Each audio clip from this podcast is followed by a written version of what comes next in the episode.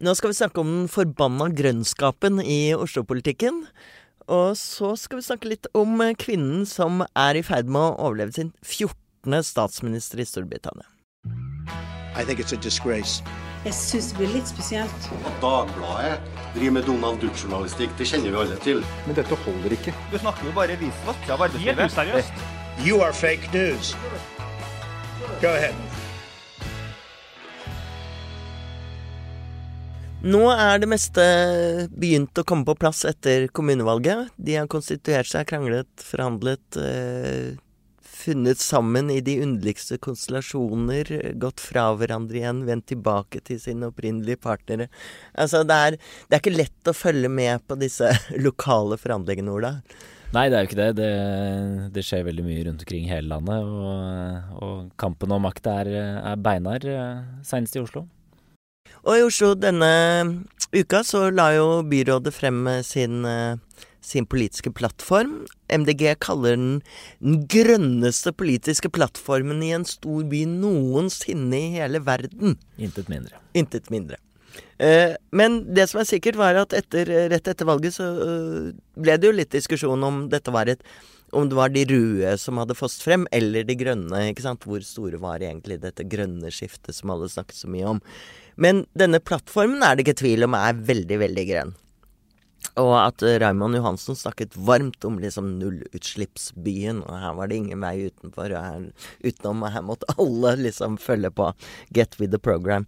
Eh, men så skjedde noe interessant eh, også denne uken i Arbeiderpartiet, og det var at eh, partinestor og han med fagbevegelsen, fagbevegelsen, fagbevegelsen, selveste Martin Kolberg, gikk ut og sa at nå måtte Arbeiderpartiet begynne å samarbeide med MDG på riksplan. Fordi at han sammenlignet eh, Ja, han sammenlignet eh, det grønne skiftet og det grønne engasjementet, miljø- og klimaengasjementet med folkebevegelsen, altså i eh, 72. Det er alltid sånne referanser langt tilbake når det kommer med Martin Kolberg. Men det han uh, minnet om, var at uh, Arbeiderpartiet hadde vært litt sene med å oppdage denne folkebevegelsen, og dette måtte ikke skje igjen. Ikke sant. Ja, Martin Kolberg ser jo langt, uh, langt tilbake veldig ofte, men også langt frem. Han er jo ansett som en, som en god strateg i Arbeiderpartiet. Jonas burde vel litt mer til, han har vi vært inne på flere ganger. Ja, ja, opp igjennom så kunne han jo kanskje gjort det. Eh, men det er jo godt mulig å gi Kolberg rett i at det er eh, lurt å få klima, klimabevegelsen på sin side hvis det skal være noe troverdighet i et eh, sosialdemokratisk prosjekt. Ja, fordi Johannes Berg, poddens gode venn, og valgforsker fra Institutt for samfunnsforskning det er, vel, det er, vel, litt sånn nødvendig For tiden så er det jo MDG alle skal godblunke til, men det er jo litt nødvendig å få de på laget også, hvis man skal vinne fremtidige valg. Mm, ja, det, det, er jo helt nødvendig. Og på rød-grønn side så, så, har det jo blitt en mye mer fragmentert situasjon, som vi vet. Arbeiderpartiet har blitt svekket, og de andre mindre partiene har blitt uh, større. Og, og MDG spiller jo en viktig rolle da for å kunne få et flertall her i Oslo, og for den saks skyld, um, hvis man ser videre fremover i, i nasjonal politikk. Så, så, MDG må inn i bildet, men det må jo jammen også Senterpartiet, da, hvis man tenker nasjonal politikk, som jo er, er mye større uh, og, og har, har, Ja, de har denne ekle oljen. Nettopp. nettopp, Og de har definitivt en annen politikk enn MDG mm. på mange områder. Mm. Så, og det er jo den store, store utfordringen. altså i Oslo er jo ikke akkurat Senterpartiet en stor faktor. De er én representant. Det er ikke det, så det, det, kan man på en måte si gjør eh, situasjonen enklere. Og er litt sånn økologiske bønder. De kan egentlig være litt sammen med MDG. Men rundt omkring i landet er jo ikke akkurat Senterpartiet kjent for å være det mest klimavennlige partiet. Og hvordan få disse ild og vann til å gå sammen? Eh, hvordan skal Arbeiderpartiet finne en vei mellom disse motpolene og samle det? Ja, nei, det, det, er ikke så lett å, å, se for seg. Altså, eh, en løsning som sikkert Senterpartiet ønsker seg, er jo å holde MDG utenfor, eh, rett og slett. Og, og ta en reprise på den rød-grønne regjeringen man hadde tidligere. Det vil nok være et samarbeid som er mye enklere å, å få til, mindre uh, konflikter. Men så har jo, som du nevnte, Martin Kolberg vært ute og, og snakket om at Arbeiderpartiet kan skape en bro mellom MDG og Senterpartiet. Og det, det, er sikkert strategisk, i hvert fall hvis man tenker langsiktig for Arbeiderpartiet, en, en lur strategi. Arbeiderpartiet de er jo et parti Hvis man tenker kortsiktig, så er det vel et parti som ikke burde snakke så mye om miljø og klima, fordi det er egentlig et tema som splitter egne velgere, og som, som Arbeiderpartiet ikke har noe sakseierskap på. Men, men, det er jo en sak som har kommet for å bli, det må vi jo kunne si, og en mm. sak som kommer til å dominere eh, politikken i lang, lang tid eh, fremover. Så for et stort parti som Arbeiderpartiet, så, så er det nok strategisk lurt å, å, tenke i de baner. Ja, fordi vi, eh, vi har snakket om det her i poden før også, at, at uh, de klimavennlige i Arbeiderpartiet de blir ikke alltid like godt mottatt, slik som Espen Barth Eide og sånn som har vært ute. Så mm. da merker man når de går ut og har klare standpunkter på den grønne siden, så merker man at motstanden fortsatt er ganske ganske stor. Altså de som eh, vil legge hele i, landet i rør og pumpe olje til siste dråpe, de fins fremdeles i Arbeiderpartiet. Og ikke minst er det en utfordring for fagbevegelsen. Ja, absolutt. Og, så Arbeiderpartiet er jo et, et stort og bredt parti, en koalisjon av av uh, ulike Altså partiet har ulike deler både på partinivå og velgernivå. Uh, og, og, da er problemet når Espen Barth Eide går ut og kommer med et klimautspill, så, så, skyver han fra seg deler av partiet, skyver fra seg deler av partiets uh, velgere. Men det samme gjør jo for så vidt la oss si fagbevegelsen hvis de går ut og sier det motsatte så kan også man skyve fra seg velgere til MDG eller til, til SV. Så, så, det er dilemmaet for eh, Arbeiderpartiet i Norge og egentlig sosialdemokratiske partier generelt. At uh, miljø og klima er en vanskelig sak hvor man, hvor man da har et, et splitta parti, rett og slett. Mm. Men man kan jo tro med dette utspillet fra Martin Kolberg, og da vi har snakket om Espen Barth Eide, det er etter hvert ganske mange fremtredende personer i Arbeiderpartiet som sier at nå, nå, går toget, nå må vi eh, kaste oss på. At mm. dette kommer til å skje uansett på en eller annen måte. Kan man se for seg at Arbeiderpartiet blir stående i en sånn slags spagat? At, uh, at det går an i den moderne politikken? Vi snakker jo om at sånn var det før. Da kunne de drive på å være en storkoalisjon, men det er litt mm. vanskeligere nå. Ja, jeg tror man kan se for seg at Arbeiderpartiet i hvert fall kan eh, altså Arbeiderpartiet er vel ikke det partiet som mobiliserer velgere på klima- og miljøsaken uansett, men de kan være en, et parti som har et troverdig, kommer med troverdige alternativer. Og, og det å, ved å skape en, en bro mellom eh, de mest klimaivrige i Miljøpartiet De Grønne og de mer skeptiske i Senterpartiet, så, så kan man vel uh, si at Arbeiderpartiet kanskje legger seg der hvor mange velgere også befinner seg, og hvor kanskje ja, folk flest befinner seg i, i klima- og miljøsaken. Og det kan jo være et gunstig sted å være, selvsagt, for et, et stort parti. Vi får se eh, når jeg snakker med Senterpartifolk om MDG og prøver å selge det inn, nettopp som kanskje økologiske bønder, så ser de på meg som jeg snakker om Satan selv. Så det er eh, Jeg tror det er et stykke frem. Et stykke frem, helt klart. finner sammen. Men, men, dette som skjer i Oslo, hvor uh, Raymond Johansen Ja, både for så vidt at Venstre rekker ut hånden til, til Arbeiderpartiet, og Arbeiderpartiet tar den imot. Mm. Hva er det som skjer der? Mm, ja, ja. Det, det, eh, det Tror du de lykkes i å få Venstre over på sin side? Mest sannsynlig ikke. Eh, men, men, eh, man kan jo forstå fra, igjen fra litt sånn strategiske hensyn at Arbeiderpartiet forsøker seg. Fordi Venstre er jo et, et ikke ubetydelig parti i Oslo. Uh, og uh, alle hva skal man si, borgerlige flertallssamarbeid som man kan tenke seg til at kan eksistere i Oslo, de vil jo avhenge av Venstre. sånn at det vil jo virkelig forandre Oslo-politikken i uh, all overskuelig fremtid, nesten, hvis, hvis Venstre inngår et samarbeid med Arbeiderpartiet eller går over til den rød-grønne siden. Så, så, det vil jo være sånn sett et skup for den rød-grønne siden å få, å få, til et samarbeid av, av den typen. Så, så man kan jo skjønne at de tenker at det er verdt et forsøk. Og det er mange som snakker om denne Oslo-modellen som en slags sånn At man kan se hva som skjer her, vil kanskje kunne brukes på riksplan. Mm. Eh, men, eh, men, er det sannsynlig? Det er jo alltid lett forskjell på lokalplan og riksplan. Mm. Og ikke minst har man mange andre spørsmål som Raymond eh, Johansen slipper å ta stilling til. Ja, helt sant. Og, og, et samarbeid med Venstre på riksplan tror jeg er veldig usannsynlig. Eh, men eh, et samarbeid, et rødgrønt, bredt rød-grønt samarbeid som også inkluderer MDG, det er jo mer eh, liksom, tenkelig, en mer tenkelig situasjon eh, videre fremover. Litt avhengig av hvordan sammensetningen av Stortinget blir. Så der tror jeg nok at man ser på samarbeidet i Oslo som en, en mulig modell for, for, et samarbeid videre fremover, selv om, selv om, det som vi har vært inne på er ikke, ikke er uproblematisk, eller det er partier som, som, står langt fra hverandre i utgangspunktet.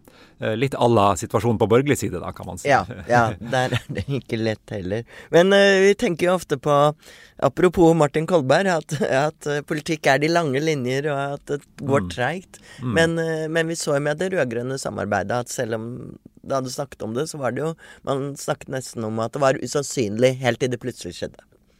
Nettopp. nettopp. Og, og det var jo et samarbeid hvor Eh, avstanden eh, ikke var så altfor eh, stor, og, og, og, hvor alle de partienes velgere på en måte hadde, hadde noenlunde positivt syn på de andre partiene. Avstanden var jo størst mellom Senterpartiet og SV, men, men den, den, forskjellen der er nok mye mindre enn det vi ser på borgerlig side nå, da, mellom Venstre og KrF på den ene siden og Fremskrittspartiet på den andre. Det var vel et av poengene til eh, Martin Kolberg også, at eh, Arbeiderpartiet måtte eh, ikke styre eller regjere alene for første gang og skulle ta da noen andre inn i koalisjonen. At det var et stort brudd med partiets måte å drive politikk på. Og er, Man kan jo leke med tanken om ok, er det andre ting Arbeiderpartiet må gi opp, da eventuelt, hvis de skal inn i en stor koalisjonregjering. Uh, de vil jo, i hvert fall sånn som det ligger an nå, bli veldig mye mindre. De kan få færre poster. Må de til og med, sånn som Høyre har gjort uh, i tidligere regjeringssamarbeid, og gi fra seg statsministeren? Hvem vet? Å, oh, nå gisper vi her! nei. Ja, det, det, det, nei, dette var en Kjetters tanke. Uh, uh, skylder lytterne å si at dette blir tatt opp ganske tidlig på morgenen. Da får vi sjokk over sånne påstander. Uh, jeg var, denne uken så var jeg på lanseringen av Hans Olav Lahlums monumentale biografi om Rauf Steen. Og der, eh, der, ble vi jo minnet på hvilken eh, storhet Arbeiderpartiet en gang var, hvor de hadde nesten rent flertall helt eh, frem til på 70-tallet, ikke sant. Og ja, noen lyttere syns nok kanskje at det er i silurtiden, men, men, det er tross alt ikke så lenge siden. Men dette handlet jo om liksom tragedien uh, Rausten. Det er vel undertittelen til og med, 'Tragedien'. Og, og det ble en debatt på scenen under lanseringen om dette her, og hans gamle partifelle Bjørn Tore Godal protesterte mot dette uttrykket, da, og så sa han, at, uh, sa han at det er jo ikke en tragedie. Han var partiformann og ledet og var i partiledelsen i mange, mange år. Og det er jo ikke en tragedie å mislykkes og ikke bli statsminister i Norge. Er det Skal vi si det samme om Jonas Gahr Støre, Johannes? Ja, hva skal man si. Han har ikke lykkes uh, så langt. Men uh, hvis man ser på situasjonen i norsk politikk nå, så er det jo mye som tyder på at eller at de rød-grønne koalisjonen, da, alle de rød-grønne partiene, kan, kan, få et flertall på Stortinget ved neste valg. Ting kan jo skje før den tid, selvsagt, men, men alle hva skal man si, trender peker jo i den retningen. og med Arbeiderpartiet som det sannsynligvis største partiet, så, så hvis man skulle gjette på én person, så måtte det jo være eh, Støre. Så statistikeren i deg vil si at jeg vil si, er? Jeg vil si sånn 73,9 uh, sånn omtrentlig. Jeg er jo enig i det, og jeg tror at enden på visa kan jo bli helt klart god for Jonas Gahr Støre. Men hvis vi skal oppsummere så langt, så er det jo åpenbart om, eh, om ikke en, liksom en personlig tragedie, det er det vanskelig å si med folk som lykkes på et sånt, eh, å komme på et sånt nivå i politikken, men en politisk tragedie for Arbeiderpartiet at de ikke har klart å, eh, klart å ta makta. Altså, det var virkelig Jonas Gahr Støres valg å tape ved, ved, forrige stortingsvalg, og de klarte å rote det bort på, på veldig mange mulige måter. Uh, og hvis det nå skal skje igjen, så, så fortsatt kanskje vanskelig å kalle det en personlig tragedie, men, uh, men åpenbart en politisk en. Den eh, biografien eh, blir hard da, Jonas Gahr Støre, tror jeg. Det ettermælet der. Men eh, da skal vi minne deg om dette om eh, ca. et år. Ja, det blir spennende. Ja, eller to år blir det, men ca. to år. Så sitter vi her i studio igjen og sier 'Den gangen sa du, Johannes'. Nei da, vi skal ikke det. Jeg syns det høres veldig sannsynlig ut. Og tusen takk for at du kom hit i morges og opplyste oss. Takk for invitasjonen.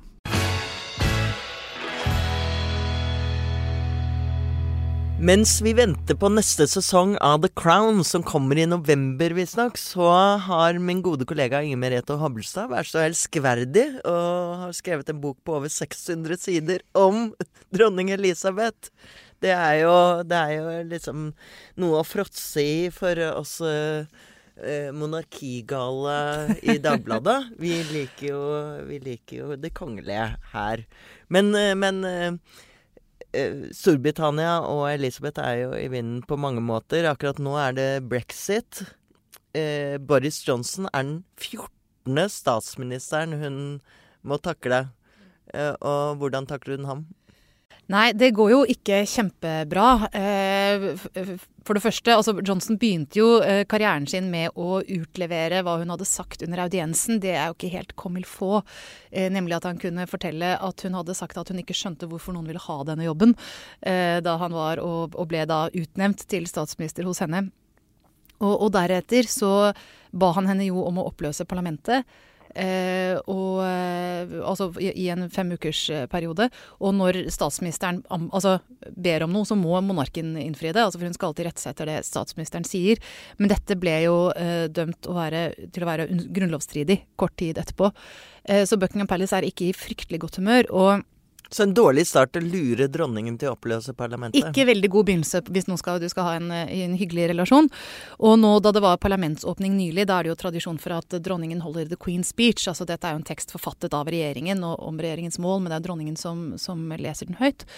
Og i dette tilfellet så ba Buckingham Palace om å få, eller de skal ha bedt om å få talen én eh, uke i forveien eh, for å gå overalt, og fordi de var redde for at Johnson skulle kaste inn noe uforutsigbart som skulle stille dronningen i forlegenhet på kort varsel.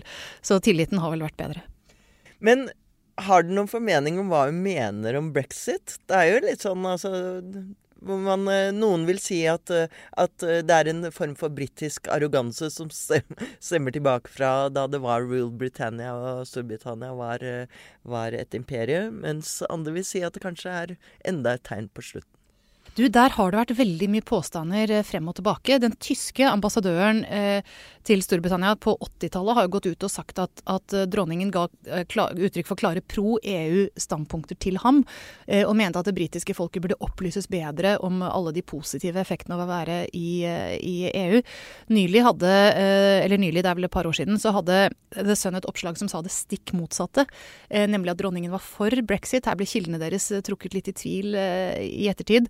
Den kilden som kanskje jeg har mest tillit til av dette, er den kongelige biografen Robert Lacey, som har sagt at dronningen i hvert fall har satt spørsmålstegn ved om Storbritannia bør være i EU, og hva som med tiden har vist seg å være Altså bedt gjester om å si hva er de beste grunner til at vi egentlig bør bli der, osv. Og, han pleier å ha kildene sine, eh, ha gode kilder. Eh, men for min del må jeg si at jeg syns det er litt vanskelig å se for meg. Fordi eh, dronningen hun har alltid vært konsensusorientert, og hun har alltid vært opptatt av å holde Storbritannia sammen. Altså at Skottland skal føle seg eh, fornøyd med å være i union, at Wales skal gjøre det. Og dette er jo åpenbart et, en avgjørelse som både skaper strid britene imellom og mellom de forskjellige delene av, av unionen. da. Så jeg, jeg syns det høres litt pussig ut, men altså, det kan hende. Hun har alltid vært glad i samveldet, alltid vært glad i de afrikanske landene som Storbritannia har historiske bånd til. Kan hende det er noe sånt som ligger bak her. Og dronningen sier selvfølgelig aldri rett ut hva hun mener har eh, politiske oppfatninger, men hun eh, lar det skinne igjennom av og til, og det har hun gjort opp gjennom historien. En britisk monark spiller fremdeles en, eh, en, viktig politisk rolle og har en viktig politisk funksjon. Og det har vel dronning Elisabeth også hatt opp gjennom årene? Ja, altså det er jo det liksom pussige ved Storbritannia. At, at, veldig mye av det de gjør er basert på sedvane, da. Eh, vi gjør det slik fordi vi alltid har gjort det sånn. og I 1863 så skrev The Economist-redaktøren Walter Badgett en liten bok som het eh, The English Constitution. Eh, og der definerte, monark, definerte, han monarkens rettigheter. Og han skrev at monarken har retten til å bli konsultert, retten til å oppmuntre og retten til å advare politikere. Og sånn har det egentlig vært siden. Alle bare var enige om det, men det var godt sagt. Slik gjør vi det jo, så da, da fortsetter vi å gjøre det, gjøre det sånn. Og så har hun jo audiens med statsministeren hver tirsdag. Eh, men bortsett fra dette med at hun kan eh, oppmuntre og advare og sånn, så skal hun jo være strengt politisk nøytral og ikke gi uttrykk for politiske standpunkt. Så dermed får du en litt sånn pussig situasjon der den ene parten legger ut, og den andre sitter og stiller litt sånn forståelsesfulle og dels ledende spørsmål. Jeg får inntrykk av at de minner litt om terapitimer eh, iblant. Eh, men, men, det er jo klart at i noen tilfeller så har hun hatt politiske synspunkter og latt, ja, som du sier, latt det skinne gjennom, og, og alle har egentlig vært klar over mange, det. Mange av disse audiensene har vi jo sett i forskjellige utgaver og versjoner i filmer og også dels dokumentarer. Men eh, og noen ganger er det fomlende, og noen ganger blir det gitt inntrykk av at eh, F.eks. i Diana-filmen om at Tony mm. Blair liksom gikk inn og nærmest overstyrte dronningen. Mens andre ganger så har man inntrykk av at dronning Elisabeth var ganske spydig eller ganske oppgitt. Har, hun, har, hun, eh, har det kommet frem noen at hun har noen favoritter, eller noen hun ikke likte så godt blant disse statsministrene? Eh, jevnt over har hun hatt et godt forhold til statsministrene sine. Eh, den hun, en hun hadde et kanskje spesielt godt forhold til, var Harold Wilson. Eh, som var Labour-statsminister i Storbritannia på 60-tallet. Eh, det også begynte på en litt sånn eh, anspent måte, fordi hun hadde jo hatt fire konservative ministre tidligere, som alle hadde på en måte tilhørt det øverste sjiktet i Storbritannia. Som hadde kommet liksom opp på Buckingham Palace alene og sobert antrukket og kysset henne på hånden og, og, gått gjennom dette lille ritualet. Mens Harold Wilson, da, som var en meritokrat som kom fra ingenting og hadde slått seg opp gjennom universitetssystemet og, og fagforeningene og sånn, han kom jo i to biler fulle av familie og slektninger som skulle se seg rundt på Buckingham Palace og sånn. Og hadde på seg en bukse og en jakke som egentlig verken passet til hoffetiketten eller til hverandre. Um, men, eh, men, de fikk et, et veldig hyggelig forhold. Og, og, det jeg har lest om det, da, var at han, altså han var jo en av de første som hadde ganske mange kvinner i sin regjering. altså Barbara Castle var jo, var jo en av de kjente der. Og, og, likte å omgi seg med gløgge kvinner, og egentlig og behandlet henne ikke med sånn veldig stor ridderlighet eller ærefrykt, men som en person med en intelligens man respekterte, og som han eh, delte tankene sine med. og og hun satte stor pris på det. Og det var sånne audienser som trakk ut i tid, og så etter hvert ble han tilbudt en drink. og så, eh, ja. Men du kan tenke deg at dette var jo selvfølgelig også hensiktsmessig for Harold Wilson, for folk var jo litt skeptiske til en radikal Labour-regjering. Så det at han kunne på en måte peke på et godt forhold til Buckingham Palace, var jo Det glemmer man av og til, at hun er jo også en kvinne midt oppi dette her. At, uh, og var lenge omgitt av bare menn. Men så kom Margaret Thatcher. Ja, og det er veldig fascinerende, for der skjærer det seg. Det er vel det eneste forholdet man vet ikke har vært helt, eh, helt bra. Eh, og det har nok litt med å gjøre at det var uvant med to kvinner på toppen på den måten. Altså få rollefordelingen helt på plass. Eh, det var Margaret Thatcher som tok imot hilsen fra de militære troppene da de kom tilbake til Falklandskrigen. Det syns ikke Buckingham Palace noe særlig om. Men det som faktisk var ganske viktig i uenighet mellom dem, var at de rett og slett var politisk uenige. Det, er en sånn situasjon hvor man vet at det eh, har skjedd. For dronningen er På hvilken måte da? Fordi du skulle jo tro at konservative Thatcher At mm. hun eh, var en stor fan av monarkiet? Det var hun nok eh, egentlig. Og, og det, hun var liksom, også liksom beklemmende eh, altså neide litt for dypt og, og sånn. Men hvis du ser, tenker deg politikken til Thatchers ivrigste eh, tilhengere, de var jo ikke så glad i tradisjoner. Altså, De var opptatt av at det, det sultne, klatrende enkeltmennesket skulle liksom få utfolde seg. Det skulle ikke være noen hindringer, det skulle ikke være noe gammelt slagg som holdt dem tilbake. Eh, og både overklassen og monarkiet eh, så vel de på som litt sånn dekadent og, og unyttig og bare privilegier og penger som bare satt der og ikke, ikke gjorde noe, da. Eh, så på en måte kan du si at, at, det var en del av høyresiden på 80-tallet som var like monarkiskeptisk som hva venstresiden hadde vært eh, i tiåret før det. da. Men det som var det store skillet mellom eh, Thatcher og, og, dronningen, det var rett og slett eh, utenrikspolitikken, faktisk. Fordi eh, dronningen er jo overhodet for samveldet. Eh, som er de, den forening av land som altså De aller fleste av dem har vært tidligere britiske kolonier. Eh, og hun hadde i mange år hatt et nært forhold til veldig mange av de svarte statslederne. Eh, og dette var jo på den tiden hvor det var vanskelig forhold til, eh, til Sør-Afrika pga. apartheidpolitikken, og til det som da het Rhodesia, som hadde en, omtrent en, en tilsvarende eh, politikk, da, en slags apartheidpolitikk. Og de afrikanske statslederne i samveldet de ville jo at Storbritannia skulle komme med sterkere sanksjoner. Eh, og, og, særlig overfor Rhodesia da på slutten av, av 70-tallet. Og det ville ikke Thatcher i det hele tatt. Altså Hun mente at det var bedre å holde handelsrelasjonen i gang, eh, påvirke på den måten. Og, og, så skulle det være en samveldekonferanse i Lusaka i Zambia. Og, og, dette var mens dette var på, de, var på det, altså de statslederne var så sinna på Thatcher som de kunne blitt omtrent, og det var nærmest borgerkrig i landet ved siden av. Og det var antatt at Thatcher kom til å si at verken hun eller dronningen burde dra av sikkerhetsårsaker. Og igjen, hvis statsministeren sier det, så må dronningen rette seg etter det. Og da kom det noen ganske offensive greier fra, fra Buckingham Palace. At de til, til, og med sendte ut et skriv der det sto dronningen, det er dronningens bestemte intensjon å dra til Lusaka. Uh, og det var vanskelig for Thatcher å si nei, og de dro. Og dronningen var jo sitt ess, hun kjente jo alle. Hun hadde et veldig nært forhold til Kenneth Kaunda, som var president i Zambia. Han var den eneste andre statslederen i tillegg til Nelson Mandela som fikk kalle henne Elizabeth. Og hun fikk disse, de to til å snakke sammen, altså Thatcher og Kaunda. Uh, og dette førte etter hvert til fredsprosessen på Marlborough House, uh, som gjorde at Zimbabwe ble fikk majoritetsstyre. Og så kom jo Mugabe, da, så ble ikke det helt bra. Men så, dette er jo en av så, spørsmålene Så dronning Elisabeth på mange måter var den som uh, bidro eller pushet uh, ved, ved, sitt blotte nærvær mm. og ved å være positivt innstilt til dette her. Var det andre tegn på at hun, at hun bidro til, uh, til at det ble endringer? Ja, altså her var det jo sånn eh, spesifikt at de, de ville ikke vært til Lusaka, som var ja, det som ja. forut, foranledninget uh, den konferansen på, på eh, Marlborough House. men altså, du kan si at når det gjelder politikken overfor de afrikanske landene generelt, så har hun vært langt mer progressiv enn hva mange tror.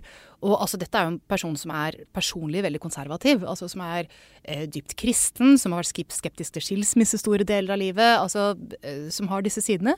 Eh, men som når det gjelder denne politikken, har, har vært, hatt veldig mye sympati for, for eh, de svarte landenes og statsledernes sak. da.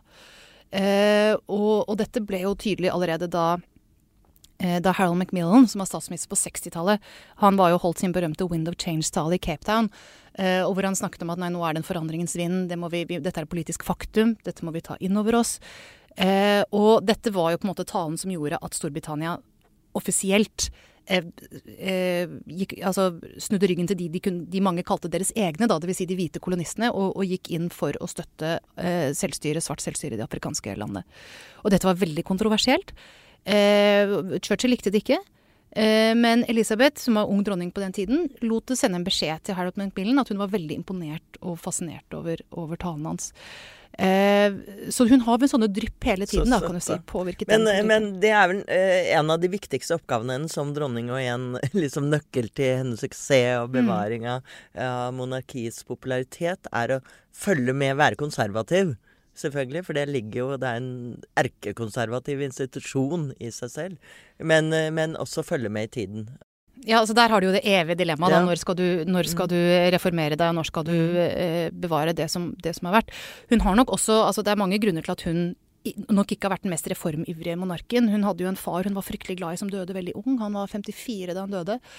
Og, eh, og, og hun har nok vært veldig opptatt av å bevare hans minne og ikke gjøre endringer som kunne tyde på at faren hennes gjorde noe eh, galt. Eh, men dette med at monarkiet er en konservativ institusjon, det kan jo også eh, på en måte bidra til å lulle britene inn i en sånn eh, kanskje litt sånn illusjon da, om at de fremdeles er en stormakt. For det britiske monarkiet er jo, sto, er jo et stormaktsmonarki. Altså alle deres seremonier som er tallrike, det er masse eh, militærkompanier som går i parader nedover mall og sånn. Eh, alt dette henger igjen fra den gangen de hadde herredømme over en femtedel av eh, landmassen på, på kloden. Uh, og det er en, en, forfatter som heter DC Cooper som har skrevet at så lenge britene ser en hånd med hvit hanske som vinker fra gullvognen, så tror de at alt egentlig er bra, og at alt egentlig er Det er et uh, fantastisk bilde. ja, og, og, alt egentlig er slik det har vært. Altså helt uavhengig av hvordan uh, situasjonen på bakken faktisk er, da. så det blir jo også en bånd tilbake til noe som mange briter faktisk tenker at de kanskje kan bli igjen. Men den lille hvite hånden i hansken, den mm. den eh, er i ferd med å bli ganske gammel. Og nå Det blir jo sagt at hun tar på seg tiaraen i blinde. ja. Eh, det er en imponerende. Det lærer man kanskje når man har sittet lenge nok på tronen. Mm. Men, eh, men, tronen er bokstavelig talt nesten blitt for tung for henne. Denne kronen mm. som hun har på, som veier to kilo eller et eller annet. Tre og et halvt. Tre og et halvt ja. kilo dere kan prøve ja. å gå rundt med ja, hun, det på hun har, hodet. Ja, hun har snakket om at det er vanskelig å holde talen når du skal lese The, the Queen's Speech, for hun må holde hodet høyt. For hvis hun lener seg forover, så tror hun mm. at nakken kommer til å liksom snappe. Så, Vi avsluttet uh, forrige innslag med å spørre valgforsker Johannes Berg om han trodde Jonas Gahr Støre ble statsminister noen gang. Så er det naturlig at vi må svare på det evige spørsmålet alle lurer på. Blir prins Charles konge? Jeg tror prins Charles blir konge, men jeg tror kanskje ikke han blir konge i så mange land som hans mor er dronning. Eh, Canada og Australia og sånne land har lenge lurt på om de skal beholde britiske monarken som statsoverhode. Kan hende at de velger seg ut av dette nå. Men eh, britiske kongehuset de har jo et eh, ganske tungt ess i ermet, og det er jo prins William og Kate, som er fryktelig populære. Langt mer populære enn prins Charles. Så jeg tror de går for en sånn uh, two for one-strategi. Det med at alle må være klar over at hvis de vil ha William, så må de ta Charles først. Men uh, tusen takk. Uh, vi har 600 sider å se frem til, og så kommer sesongen, filmversjonen, i november. Ja. Takk, Inger Merete Hablestad. Og det var nok en episode av Siste med Marie Simonsen. Ved siden av meg satt Ola Magnussen Rydje. God helg!